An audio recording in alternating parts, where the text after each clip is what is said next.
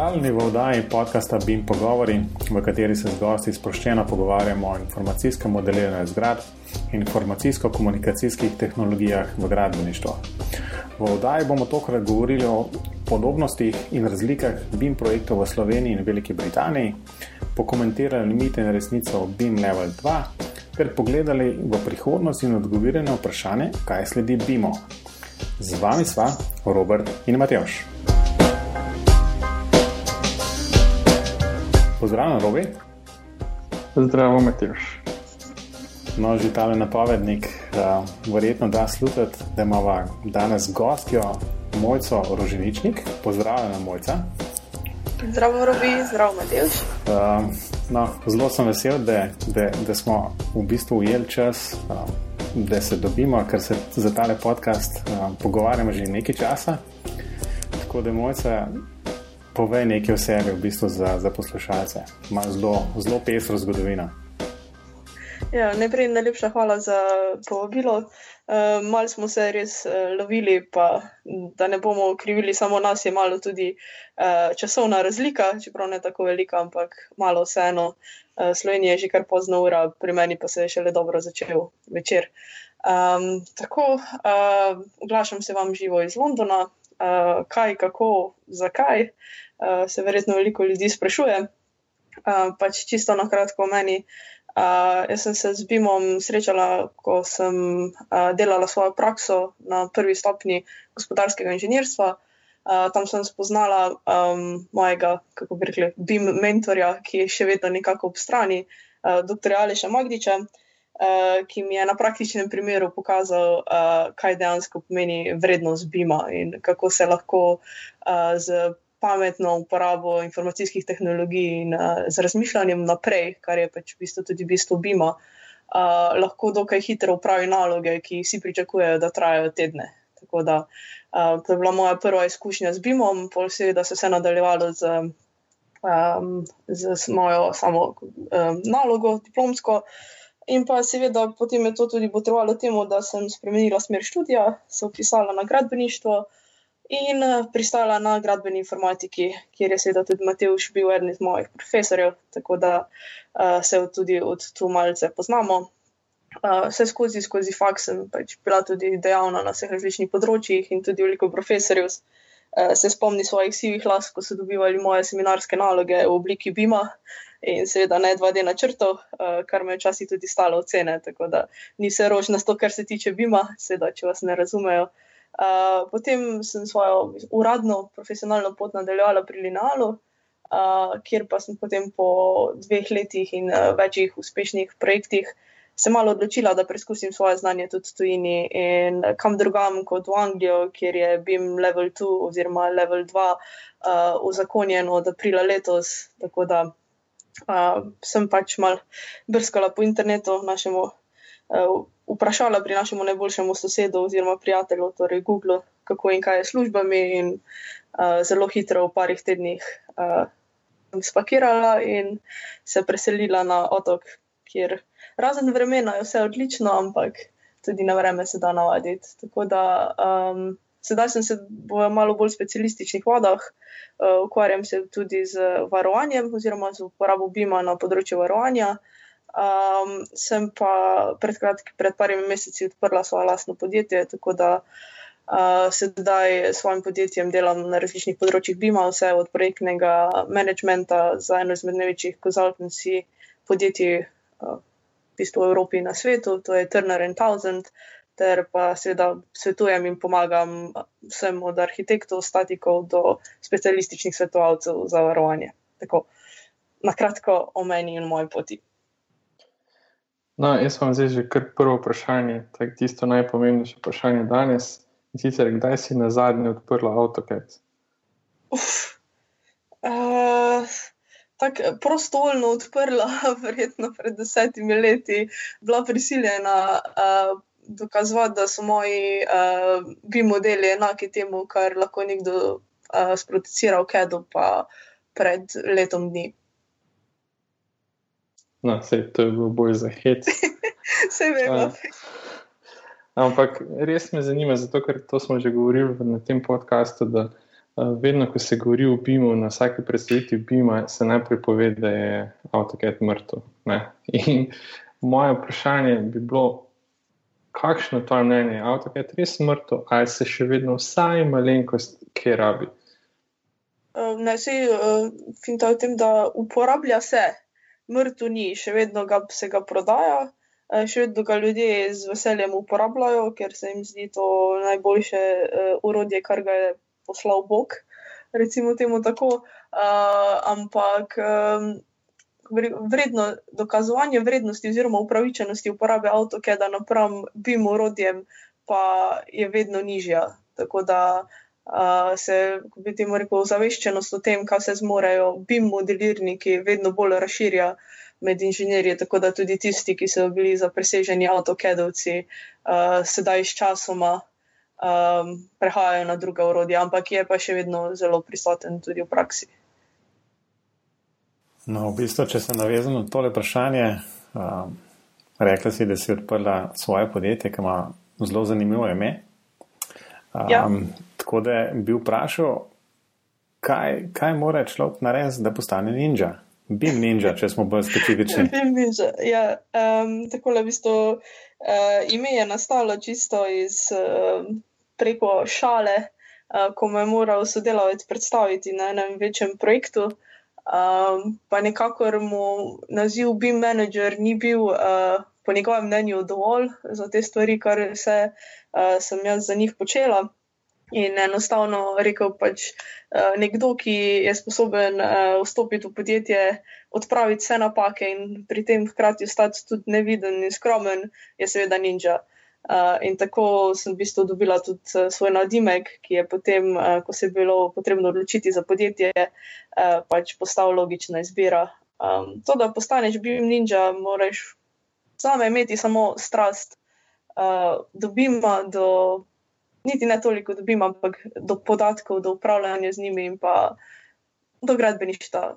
V končni fazi si lahko ninja na kakršnem koli področju, dokler delaš tisto, kar imaš rad. To je tako zelo političen odgovor. uh, ampak, ja, se strinjam. Imam pa eno vprašanje tu. Um, podjetje, ime podjetja je BIM Ninja, na spletni ja. strani sem pa prebral um, Meet the Ninjas. Ali si sama, mogoče imaš kakšne sodelavce? Uh, ja, uh, v, pač uradno, pač uradno zaposlena sem sama, uh, ampak uh, sam ne moreš, um, ne moreš daleč. Tako rečejo, če hočeš hitro, pojdi sam, če hočeš daleč, pojdi z ekipo.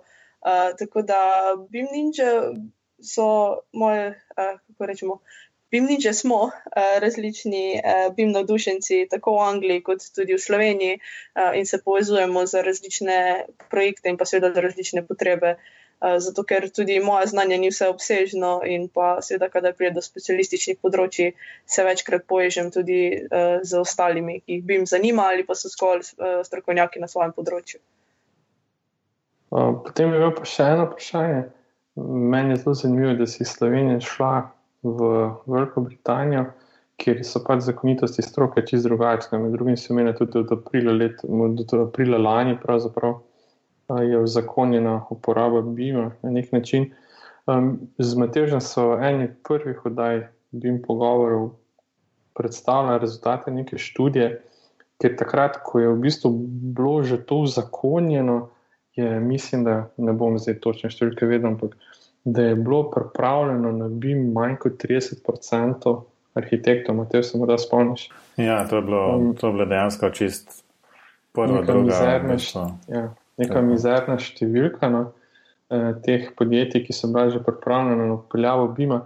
Pa me zanima zdaj, glede na to, da imaš že izkušnje iz prakse, a je res v Veliki Britaniji zdaj že vse to pripravljeno na delo v BIM-u, pa so že vsi delovni procesi podrejeni temu, ali je mogoče še vedno ena taka prehodna faza, ko so se ena podjetja že dobro prilagodila, druga so pa še čist nekje v preteklosti. Ja, ne, se, eh, ni, ni, vse, eh, ni vse tako lepo, kot eh, predstavljajo, ampak ja, tako rečemo, vsi, vsi projekti, kar so se pričeli že od leta 2015 naprej, uh, so v BIM-u tudi privatni projekti, kajti tudi privatni investitorji uh, so videli benefite, uh, razlika pa je v pripravljenosti podjetij, definitivno. Uh, vsi največji biroji, torej za stvari, ki so vem, stadioni, um, uh, šole, univerze, bolnišnice, vse te zadeve, ki se, katere izdelujejo, seveda, ene izmed največjih birojev so izredno pripravljeni, se ukvarjajo že ne samo z facility managementom, ampak že samo z semantičnim programiranjem, z dejanskim um, omejevanjem samega risanja oziroma načrtovanja, ampak že pripravljajo, kako bi temu rekel, sprogramirane dele stavb. Ki jih na to zgolj sestavljajo skupaj in se bolj ukvarjajo s tem, kaj se z podatki, ki jih v modelu nastanejo. Na manjših projektih, se pa veliko krat tudi najde kakšen biro, ki je ki ima 100-150 ljudi, ampak za BIM še ni slišal. Tako da um, je, zelo, je zelo mešano, ampak se pa večina industrije izjemno pripravlja in je že tudi pripravljeno na BIM. Uh, tako da ni še, že, ni še vse rožnato. Uh, ampak je tako, recimo, se zelo pozna že napredek od lanskega v letošnjo leto, uh, že biroji, ki so lani komaj da shajali za produkcijo revit modelov, leto že razmišljajo o Dynamo in že, um, se že ukvarjajo bolj z podatki, kot pa z samim načrtovanjem. To se mi zdi, da je tako primerljivo s tem, tudi kot je v Sloveniji, mogoče kak korak ali pa dva naprej.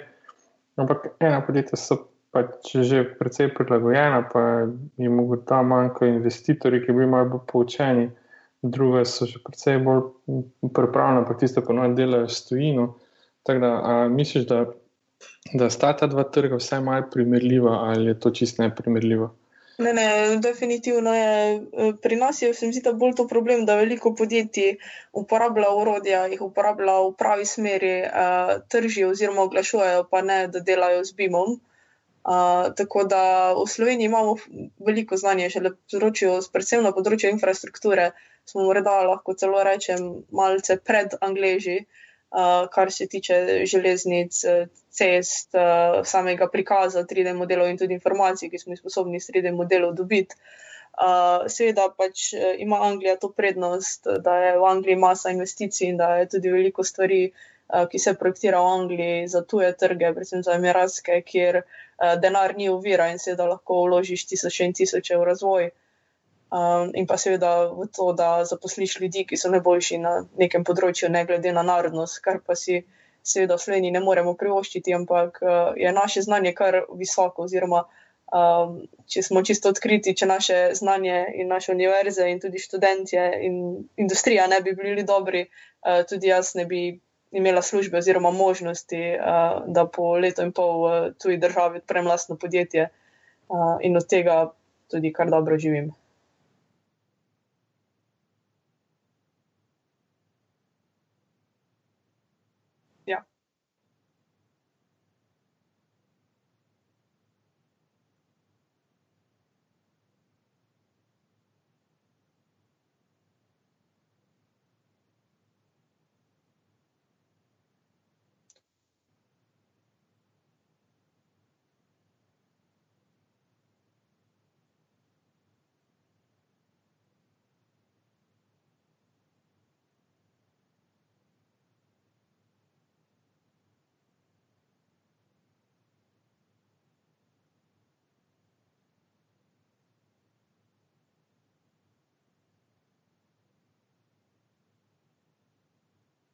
Ja, znanje programov je osnovno, hočemo, nočemo, je osnovno.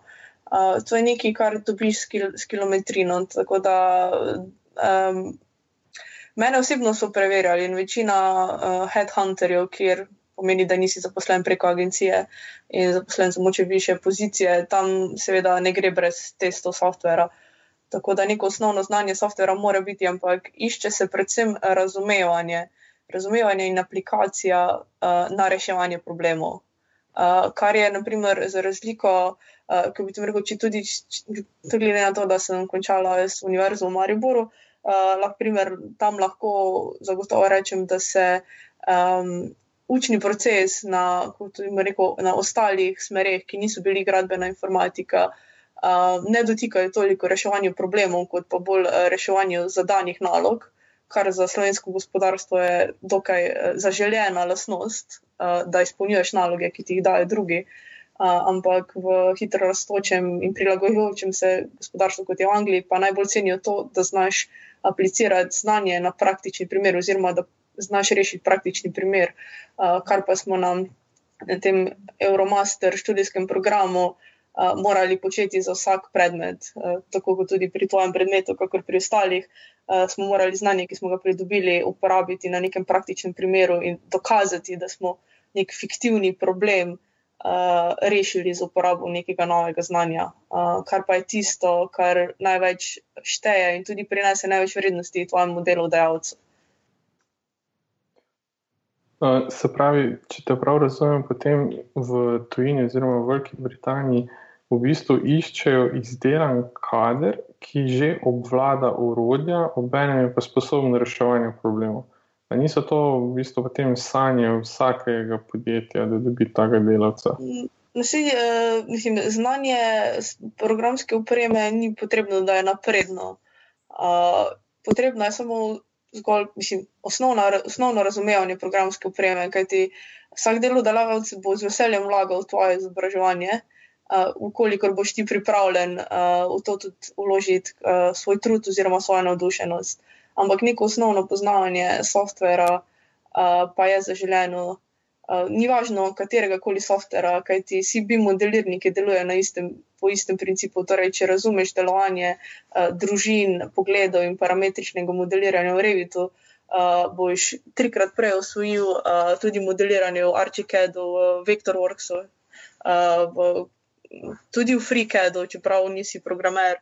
Um, tako da se mi zdi, pač, da ni važno, katero programsko orodje spoznavaš ali ga znaš uporabljati. Važno je, da se lotiš enega izmed teh Um, kaj ti BIM je uh, tudi zadeva, ki jo lahko, kako bi rekel, delaš brez uporabe softvera. Torej, se da aplicirati na uh, project management, uh, na vodenje projektov, na high-level svetovanje, na BIM strategije. Ampak, če ti ne razumeš dizajn procesa in problemov in zakonitosti, ki so drugačne, kakor v tradicionalnem procesu, uh, potem tudi te strategije in so, uh, potem reko, načrtovanje projektov ne bo uspešno. Uh, tako da klikanje uh, je osnova, vsaj po mojem mnenju, uh, za to, da uh, lahko dejansko resnično razumeš tehnologijo in da znaš pristopati. Z razmišljanjem, v bistvu z softverskim razmišljanjem k inženirskim problemom. No, jaz sem se želel samo še malo staviti pri tej programski opremi pa se navezati na en prejšnji odgovor, to je mojca, ko si rekla, da so ena podjetja v Sloveniji, ki že precej dobro vladajo BIM, oziroma ga zelo uporabljajo pri svojem delu, pa to ne oglašujejo na vzven. Uh, zdaj pa me zanima, ali res misliš, da bi bilo to treba oglaševati na vzven, ker jaz osebno mislim, da ko bo enkrat pač večina industrije, pa recimo en del industrije, prišel na ta način dela, sploh ne bo več važno, je to bima, kako se temu reče, ker to bo pa postaje gradbeništvo. Ja.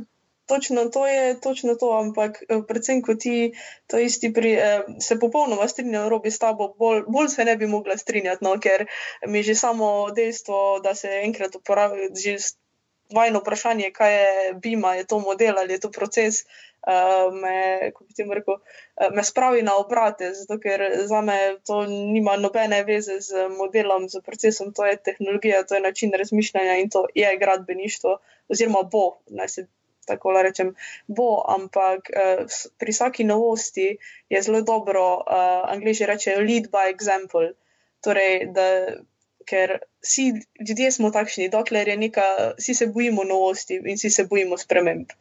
In uh, dokler ni dovolj velike množice, ki ti potrdi in vedno znova potrjuje, da je ena zadeva dobra, se bo veliko ljudi ne bo lotilo oziroma jo bo zavračalo.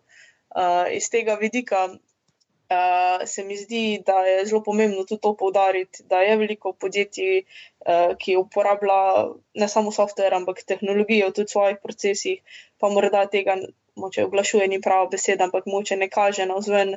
Uh, in se mi zdi, da bi morda bilo tudi prav, uh, da se nam oziroma ali vama, ali nam na BIM.si, oziroma na, v društvu, oziroma združenju SIBIM, uh, oglasijo tudi tisti, um, ki, ki to uporabljajo, pa morda ne kažejo na zven, ampak uh, lahko nam po pomagajo v bistvu razširiti ozaveščenost, uh, ki pa je pri sedovanju novih tehnologij izredno pomembna. No, jaz še, jaz še malo upam, da bo še malo stalo na nižjih obratih, tako da do njih višjih še pridemo, pa na koncu. Uh, bi te pa mogoče že malo izval, že prej.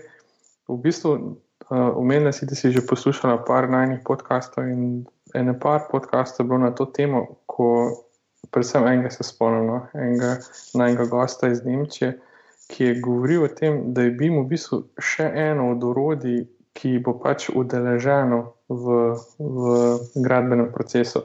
Ne rečem, da se absolutno strinjam s to izjavo, ker mogoče je malo preveč posplošena, ampak vseeno, a misliš, da, da bo BIM res toliko prevladal nad vsem, kar poznamo že zdaj, ali bo mogoče pač nadgradnja tega, pa pri tem, kar nekam ciljam, pri tem, da avto, če vedno ni mrtev, ker to pa namreč mene spravi na obrate, vedno ko slišim.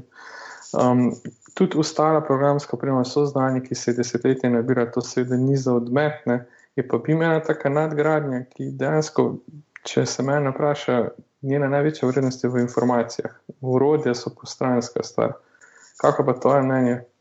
Ja, točno tako mislim. Uh, edino, kar se ne bi mogoče strinjala, je s tem, da ne bo postala še ena izmed stvari, ampak ker bi ni programska oprema, BIM tudi ni, uh, kako bi rekel, temu, uh, ni hitrejša produkcija informacij.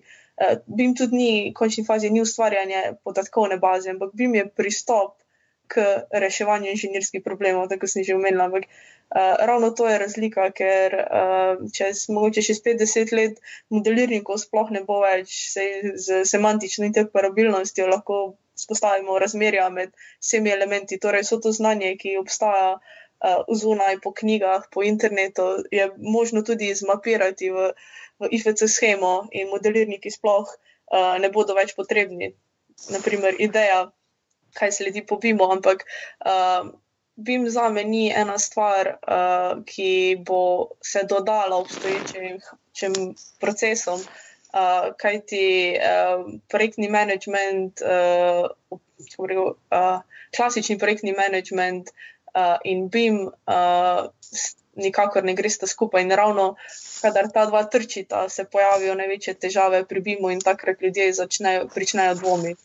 Uh, pač Angliji imajo tudi en pristop, uh, ko vedno pravijo, da BIM-a ne moreš implementirati na eni ravni. To ni ne horizontalno, ne vertikalno, ampak moraš vedno pristopiti od zgoraj na vzdolj in od spodaj na vzgor. Uh, tako da uh, tudi v samem podjetju moraš vedno uh, nadušiti čisto vse, od direktorja do zadnjega tehnika, ki uh, producira risbe, uh, če želiš, da je zadeva res uspešna. Tako bo tudi znotraj uh, projektov potrebno nadušiti čisto vse, od strank pa do zadnjega svetovalca oziroma upravnika objekta, da bo zadeva resnično lahko zaživela. Potem pa ne bo več vprašanje, um, katera orodja se potrebujejo ali se potrebujejo orodja. In, uh, če bo želel nekdo narisati detajl v AutoCAD-u in ga potem pripeti v podatkovno bazo, zakaj pa ne? Uh, ampak je treba narediti najprej temelje, da podatkovna baza sploh lahko obstaja in je uporabna v celem procesu. Hmm. Veliko velik vprašanj mi roji po glavi, um, ampak bi sam enega. Um, ti bom pustil, pa, da, da pojasnim še naprej o BIM-u in procesu, prvo vprašanje samo. Ampak ena, ena stvar je v bistvu zdaj, da si omenila in recimo ta klasičen gradbeniški proces in pa BIM proces oziroma BIM pristop.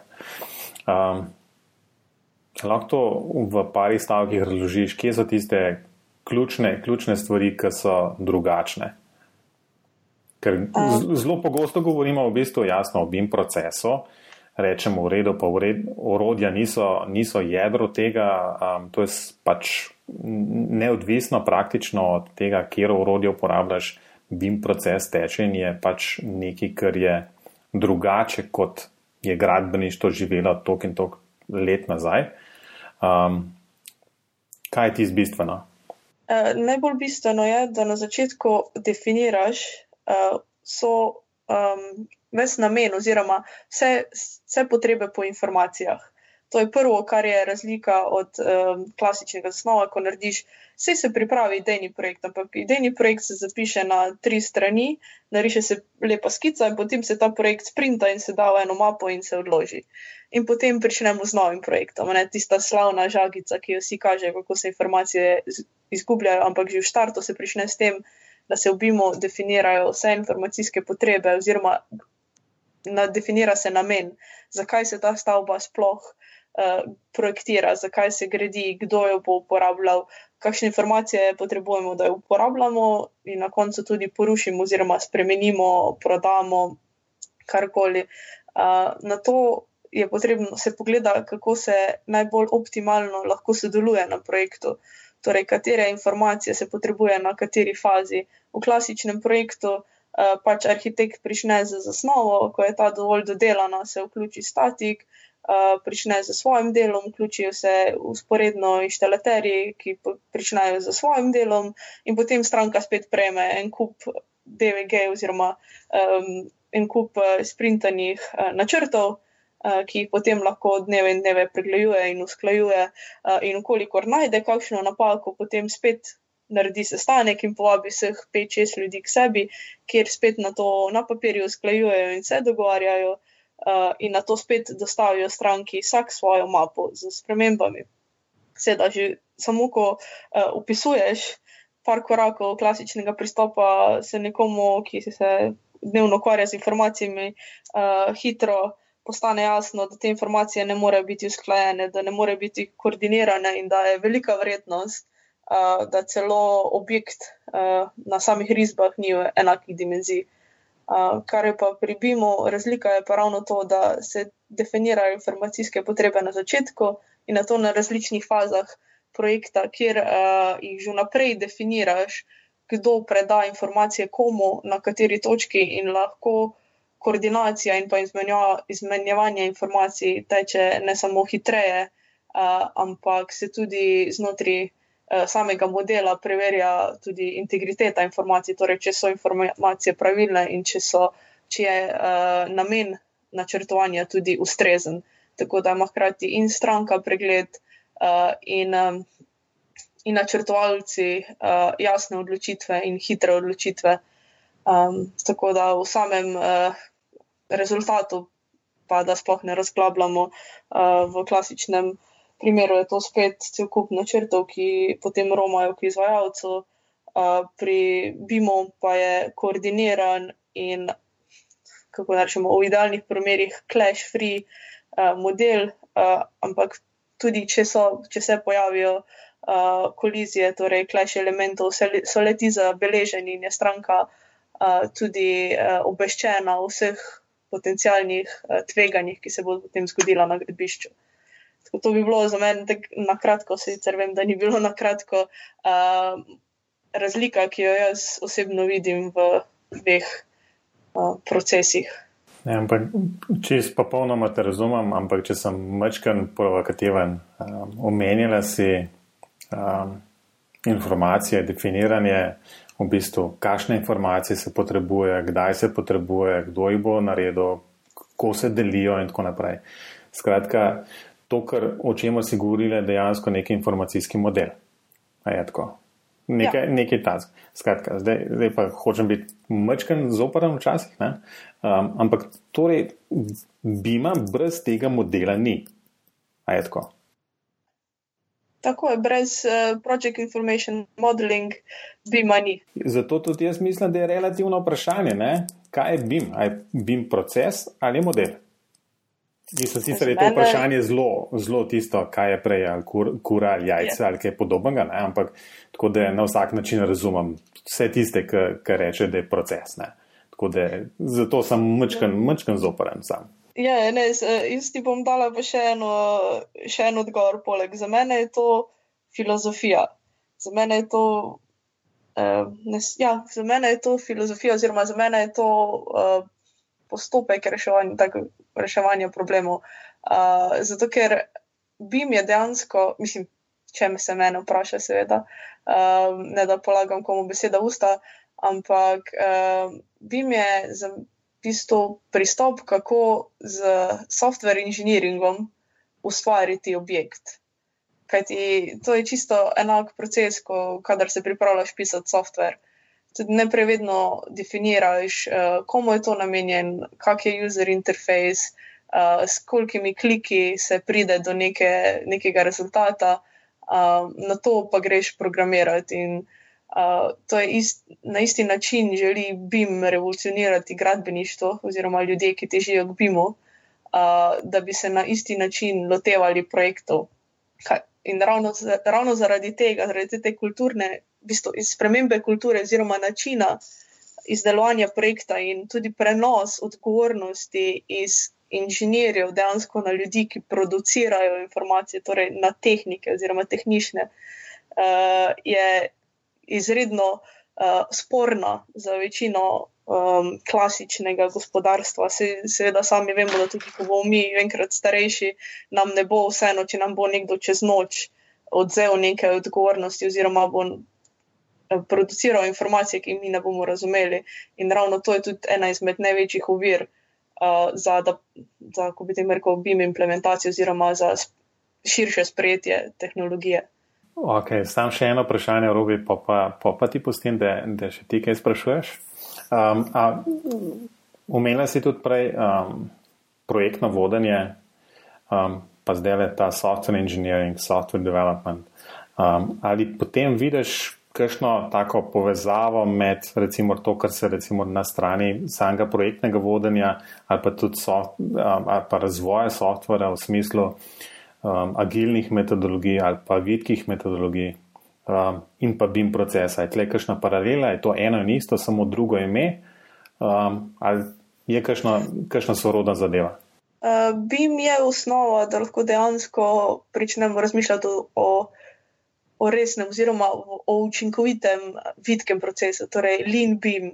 Za sam lean construction, uh, že samo če malo se pogugla uh, termine, lean construction je ne vem, še 50 let nazaj je bil izredno iskan, izredno in trenutno je BIM Lean Construction zamenjal Lean Beam. Uh, in tudi uh, eden izmed uh, bivših sodelavcev na Univerzi v Mariboru je dejansko eden izmed uh, predsednikov katedre na West University of Scotland, tako da imamo tudi slovenca, uh, ki se na angliški univerzi ukvarja z Lean Beam Construction. Um, tako da malo, da, da nas tudi pohvalim, slovenske inženirje oziroma akademike na tem področju. Tako da ja, uh, za mene je v bistvu bim osnova, da se lahko lin oziroma vidke, uh, vidko gradbeništvo kot tako sploh uh, udejani in dejansko izkoristi potencial. Ok, se strinjam popolnoma. Ne? No, načela sta ogromna njih tem.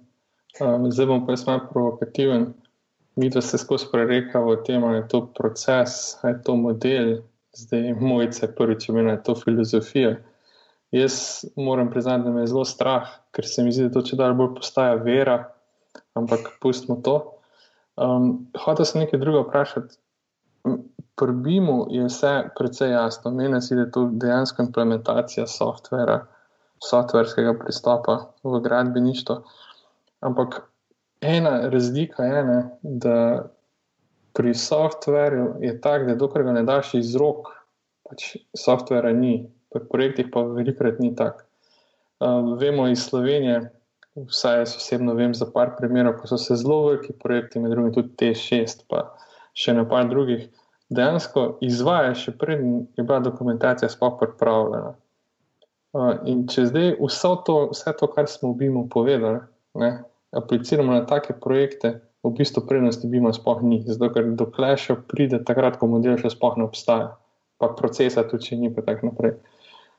Kaj pa ti vidiš te težave, kaj bi se lahko, kljub temu, da bi ni prisoten na, v času, pa na mestu, kjer bi moral biti, kaj bi lahko bi jim pomagal pri takih projektih? Um, čisto osebno imam točno takšno izkušnjo z razglednim stolpom v Lendavi. Uh, stolp se je že gradil, ko sem jaz dobila to um, nehvaležno ali pa hvaležno nalogo, uh, da probam pokazati neko uporabnost BIM-a na celem projektu. Torej, uh, vse stvari so že bile naročene, uh, vse pogodbe že podpisane, uh, kaj zdaj, kako naj zdaj dokažem vsem, uh, vsem izvajalcem, projektantom, ki ne želijo BIM-a na projektu, da je pa le to dobro, da občina Lendava kot takšna investira v to. Pa se da. Ravno to je to. Uh, ne biti osredotočen, jaz, da imam pa revit, da imam pa nekaj z revitom narediti, ampak ne, sred pogledaš, da imaš tehnologijo, ki upravlja z informacijami, in pol pogledaš, katere informacije pa lahko služijo nadaljnemu projektu. In ena izmed teh stvari uh, je bilo v bistvu 4D modeliranje oziroma modeliranje izvedbe. Uh, Kaj ti uh, zemljišče je bilo zelo osko, uh, dostopnost zelo slaba, koordinacija uh, tovornjakov je bila v bistvu eden izmed največjih izzivov, uh, kako spoh spraviti material uh, na to gor oziroma v Gorice.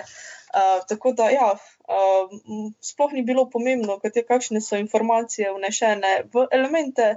Uh, bilo je zelo samo potrebno vedeti, uh, koliko sekvenc oziroma v kakšnih grupah bodo elementi prihajali na gradbišče. In um, je samo podjetje, ki je izvajalo uh, samo montažo jeklene konstrukcije, uh, na začetku je bilo zelo, um, kako bi ti mu reklo, uh, uh, ne pripravljeno k sodelovanju, ampak uh, ko sem jim uh, zmodelirala njihov plan dela, smo ugotovili, da nekaj stvari manjka, da so morda en in dva nivoja uh, samih elementov pozabili, ker so to pač seveda delali v Wordu. In potem, ko smo skupaj sedeli in pripravili različne plane, glede na vremenske pogoje, glede na to, ali delo prehiteva ali se zdeli zamuja, in so vse to lahko videli v pisarni in uh, splanirali delo, glede na uh, te podatke, uh, pa se je BIM izkazal kot uh, zelo uh, koristna zadeva. In tudi uh, gospod Hozjan, uh, to je gospod, ki je že skoraj da moče par mesecev pred penzijo. Ki je bil na začetku zelo proti vsem temu, da ima še zdaj dodatno delo in se mora pogovarjati z mano, in se mora ukvarjati z mano. Uh, na koncu projekta bil izredno hvaležen, kajti vsi njegovi fanti so bili uh, so se vrnili živi in zdravi, kar je najbolj pomembno pri monterjih. Uh, na delo so upravili hitro, učinkovito, v roku, uh, in pa so bili tudi um, dobro plačani za vse skupaj. Uh, tako da se zna v vsaki fazi, uh, vsaki fazi projekta, se zna uh, najti aplikacija, če jo želiš poiskati, seveda. Uh, po drugi strani pa vse te projekte, ko si mi ti omenil, uh, služijo samo ene eni stvari tukaj v Angliji, s tem, da nasmejem svoje sodelavce do sous, kajti mi v večini primerov sploh ne verjamejo, da je nekaj takšnega mogoče, da se ogromna, celo kritična nacionalna infrastruktura, kot bi bilo kategorizirano uh, v Angliji, kot naprimer je T6, uh, gradi brez dokumentacije. Za njih je nepojemljivo, da bi uh, izvajalec sploh zasedil eno samo lopato v zemljišče brez načrta, brez projektnega plana, brez vseh soglasij uh, in pa brez uh, kakršnih koli pogodb. Uh, tako da, ja, uh, zgodbe iz Slovenije so za, za moje sodelavce izredno zanimive, uh, njim se zdi smešno, uh, meni je včasih grozljivka. Uh, tako da upam, da bo takšnih primerov vedno, vedno manj. Uh, in da se ne bomo trebali, uh, da ne bo potrebno se spraševati, kaj lahko BIM stori sedaj, ko je že vse pripravljeno in se gradnja že izvaja, ampak da se bomo res lahko začeli pogovarjati. Sedaj imamo idejni projekt, uh, pa ga dajmo narediti z BIM-om, pa se bomo čez dve leti pogovarjali, uh, koliko vseh problemov smo rešili, kaj se smo se naučili, pa uh, bo nam stranka hvaležna, ker bo dejansko uh, upravljala objekt z nižjimi stroški. Ja, no, vse zato smo pa tu na Balkanu, vi ste pa malo bolj gor na severu. Mislim, Mateož, da bomo morali tu končati, drugače lahko mojco še celo noč držimo, pa sprašujemo. Um, pa predlagam, da gremo naprej. Ja, se strinjam. Um, jaz bi spet, ker si zagarantiral mojca, da te še enkrat ali pa na vsake tog časa malo dobimo, še posebej, če boš um, še kar delovala v, v, v Angliji um, vedno je pametno slišati, oziroma zanimivo slišati, kaj, kaj se dogaja drugot po svetu. Ja, seveda, samo da se uskladimo, pa, pa sem vajna. No, super. Um, ok, skratka, naslednji sklop eh, so priporočila.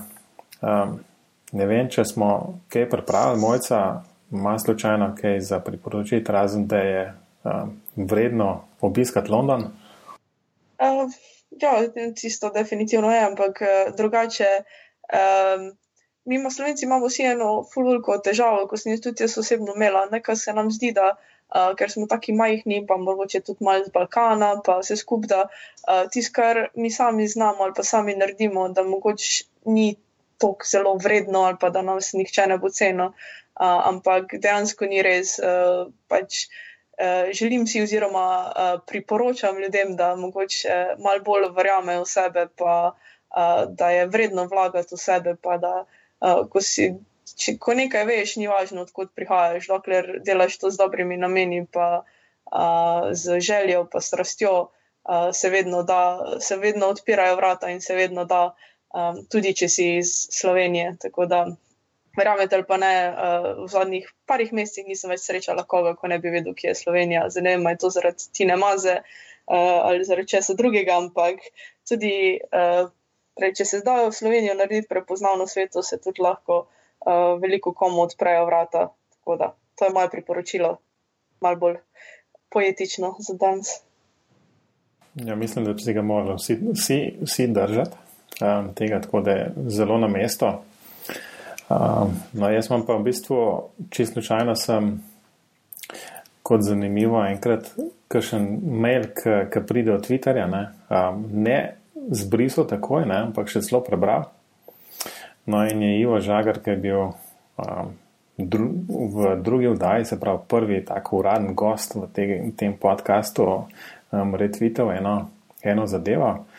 Skratka, eno poročilo je bilo izdano konec prejšnjega leta v Angliji, ki povzema, ki povzema ta gradbeni sektor. Um, tako da link je um, so v zapiskih.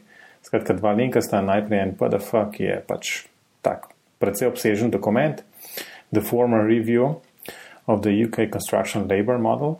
Um, skratka, to je sam, sam ta dokument, potem je pa še um, en blok zapis, ki povzema to zadevo in um, je pač zelo zanimiva. Um, za prebrati vmes je tudi um, ena taka schema, um, ki prikazuje, kakšne so morda tista, tiste tehnologije in kakšen je njihov potencial za uporabo v gradbeništvu in kaj bo prinašal, kaj bodo te tehnologije prinašale v bodoče v ta BIM proces oziroma gradbeniški sektor na splošno. Nač, smo pri um, zelo pomembnem delu in to so hitre vprašanja. Uh, mojca, prvo vprašanje. BIM programska oprema kaj, če moraš nekaj izbrati? Ah, Revit. Evo. Pišem. Ja, dolgočasno. Dolgočasno. Je zdaj ta drugi, veš kaj, pustili smo si veliko manevrskega prostora za drugo vprašanje. Ja, Robi, povaj. Ja, drugo vprašanje je najno, najbolj priljubljeno vprašanje. Ali bi modelal proces, ampak mislim, da si že odgovorila vmes, da je to zate filozofija, kar je prvič. A ostaješ po tem odgovoru, ali boš šel za polovičko ali klic v sili? Nič, ostajam, trmasta korošica ostaja pri svojem. Ja, zdaj, zdaj imamo v bistvu kaj? Imamo model, proces, management, filozofijo. Um, tako da imamo še kar nekaj stvari, ki bi jih lahko zraven dodali v ta BIM. Ne? Da je že všeč, ker se ta graf če dalje bolj podaljšuje, da je njegov zelo horizontalen postaja. Še, še ne dve leti bim pogovorov, pa, bomo, pa bom zmagal. Um, no, ta zadnji je pa ta okol Open Bima, uh, skratka uporabo standardov v tem BIM procesu. Um, ja, da, da, da, tisočkrat da. Tisoč, tisočkrat da, ja. da, sem, da. Pis, sem pisal točno to, tisočkrat da. Ja, uh, OpenBeam je prihodnost, OpenBeam deluje, uh, spet potreben je samo uh, pristop, pravilnik uh, uporabi informacij. Uh, čeprav uh, sem pač izbrala kot programsko premo Revit, mi glede odprtosti izredno ni všeč, ampak je to uh, tudi, uh, kako bi ti rekel, orodje, ki plačuje račune. Uh, mi je pa, na primer, iz OpenBeam perspektive izredno všeč Archicad in uh, Alplan kot tak, torej Nemečekovi produkti so uh, superiorni, kar se tiče uh, seveda OpenBeama. Ampak tržni delež je le tržni delež, tako da tudi uh, tudi z revitom se da, sicer z večjimi bolečinami, ampak uh, plačaš pač za odprtost in pa za uh, hitro, uh, kako bi ti rekel, uh, ponotranjanje programa, pač plačaš na, na strani OpenBeama, uh, kjer pač je Archicad bolj rigiden, pa trabiš moče malo več časa, da ga osvojiš. Pa je zato veliko boljši, ko je potrebno izvoziti IFC, da se teko ali kakršno koli drugo. Um, če, lahko, če, če lahko samo eno zadevo tukaj dodatno vprašam, zdaj no. imaš, imaš izkušnje tudi z malo večjimi projekti. Um, kako je tam dejansko na začetku, se dejansko tam dogovoriš? Aha, tale pa tale softver bomo uporabljali, izvoz za bo IFC, um, kjer IFC, kjer program, Revit, ne vem, verzija ta pa ta je možno ja, uporabljati. Vse to se načeloma vse. definira in se tega vse, drži. Tako je, to se vse definira v BIM Execution Planu, uh, v EIR, torej Information, uh, Employers Information Request. Torej, že sama stranka lahko definira, tako bi tem rekel, preferirano platformo, sicer ni zaželeno, ampak nekatere stranke to naredijo, ker imajo vem, v hiši uh, Autodeskov subscription ali pač so slišali za to in si to želijo, oziroma alternativno urodje, ukolikor lahko uh, uh, izvoziš IFC, kar so ostala urodja, potem se po BIM execution planu uh, določi uh, sam build, celo, ker je razlika tudi med Revitom v updatih, v, vsem, uh, v vsem skupaj, tako da se določi vse, da, vse do uh, dejanske zadnje verzije. Programa, katera verzija se uporablja, katera verzija extensionov, naprimer za izvoz COVID, datatek, za IFC izvoz, uh, vse to se določi, in ko pride, naprimer, nov, nova verzija Revita, Arčikeda, česar koli, uh, se skupaj na sestankih uh, pove, kateri je datum, kadar se pride na nov softver.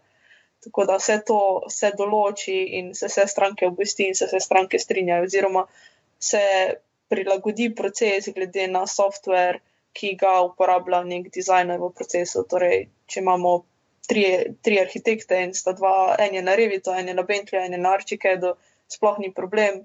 Uh, predajajo neti datoteke plus IFC, da se omogoči uh, seveda federacija znotraj Solibrija in pa izvajanje clash detectiona znotraj Solibrija. Tako da, ja, to je, to je realnost in to je praksa, tako da uh, to za me ni nič kaj uh, nenavadnega. No, lepo, vi se skratka, um, lepo slišati. No? Um, mislim, to, da, da pač nekdo, ki to dejansko dela, to pove. Ne? Tako da se tisti, ki se še nekako lovijo, pa razmišljajo o tem, ali bi jim ja, ne, kjer softver, ja, ne. Um, v bistvu vsak softver, um, bi jim pa definitivno. Ne? Tako da ja, sam. sam tako. Okay. No, pa še nekaj moramo imeti, ne? plus točke za odkritost, da nisi samo hvala Revit, ampak si izpostavljal tudi njegove slabe strani. Cenimo na tem podkastu. Ne, ker si, ravno to je tudi ena izmed težav, bima, ker pač nekdo se nauči en softver in pol se mu zdi, da je tisto pač najboljše in da je sveto in vse skupaj. Ampak ni, se, ker če bi bil BIM softver, pol ok, ampak ker BIM ni softver in ravno ta omejenost na softver te lahko veliko krat stane tudi. V končni fazi profita, oziroma si narediš ogromno zgubo na projektu, ker si zapičen v to, da pa nekaj se pa more dati vem, z revitom narediti, čeprav se verjetno da, ampak bi mogoče bilo za en del boljši uporabiti vem, eh, robota ali pa Vectorworks ali pa narediti eh, vizualizacijo v nekem drugem projektu. Programu. Tako da uh, tudi uporabiti primerno urodje za pravilno nalogo uh, je velik izziv, čeprav se čuje zelo trivialno. Da, um, to je tudi eden izmed nasvetov za vse poslušalce, predvsem za študente. Uh, ne se uh, upikniti sam v en softver, pa ne se zaljubiti v en softver, ker uh, je važno, da znate uporabljati čim bolj širši nabor, pa znati izbrati pravo orodje za pravo aktivnost. Zdaj bom, zdaj bom tvegal, da bo ta oddaja podcasta sigurno najdaljša, zato ker bom še nekaj rekel um, na to temo.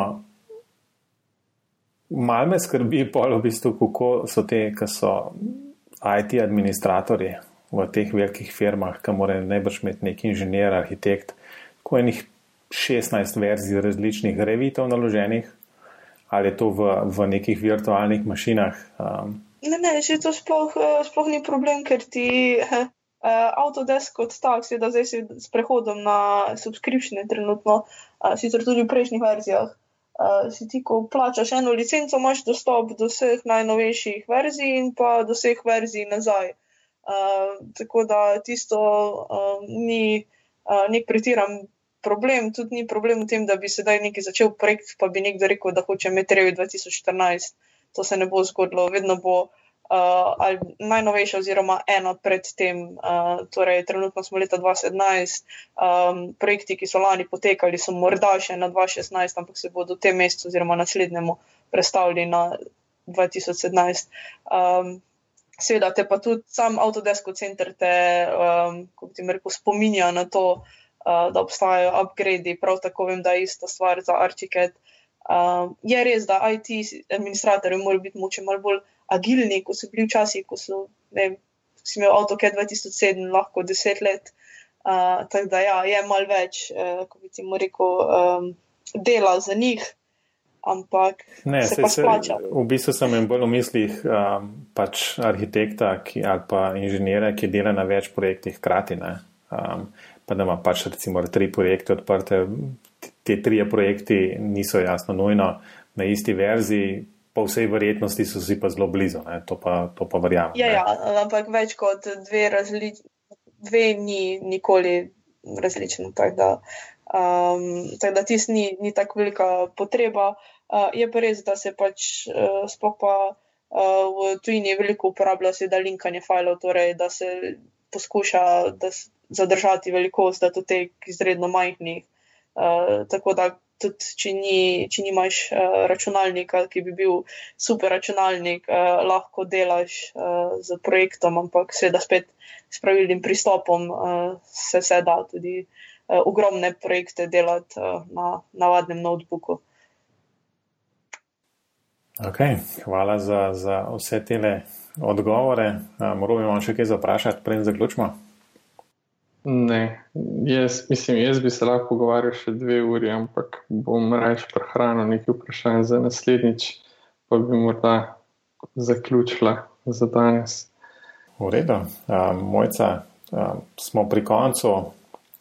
Predno, če zaključimo, bi se v bistvu najprej svojem, pa jasno v skupnem imenu zahvalil za to, da si si vzeli čas. Um, in povedal, da blazno veliko zanimivih stvari, ustale še tisoč in ena stvar, ki je bila neodprta in neodgovorjena, tako da jaz upam, da si bomo spet enkrat našli nek primeren dan in, in to stvar ponovili. Tako da, ampak, um, kje te poslušalci lahko najdejo na internetu, če hočeš še kaj dodatno zvedeti. Uh, ja, najprej hvala za povabilo. Uh, seveda, rade volje nadaljujemo. Uh, veliko govorim, tako da vem, da oddaja ni dovolj dolga, da lahko povem vse. Uh, Drugič pa poslušalci uh, me lahko najdejo um, na Twitterju, uh, moj CRK, um, na, seveda na Twitterju je tudi Bim Ninja. Tako da, če želite slediti uh, tudi mojemu podjetju, um, prav tako na LinkedIn-u, oziroma na vseh socialnih omrežjih, uh, seveda pa ste več kot vabljeni, da obiščete tudi blog bim.ca, uh, ki ga pomagam so ustvarjati z Ernejem, Petrom in Popoštjanom. Uh, tako da vsi novi bravci. Uh, avtori več kot dobrodošli in seveda uh, tam je tudi forum, tako da če imate kakšno koli vprašanje glede softvera, procesa, česar koli, uh, prosim, uh, da nam to napišete ali pošljete zasebno sporočilo.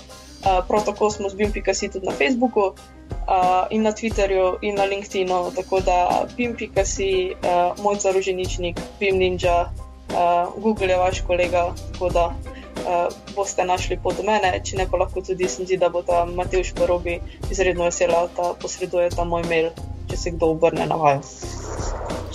No, bomo to vse polinkali in zapisali v, v zapiske, uh, robi pa ti. No, jaz sem še vedno na robertapnaklinc.net, na Twitterju sem Robert Klinc.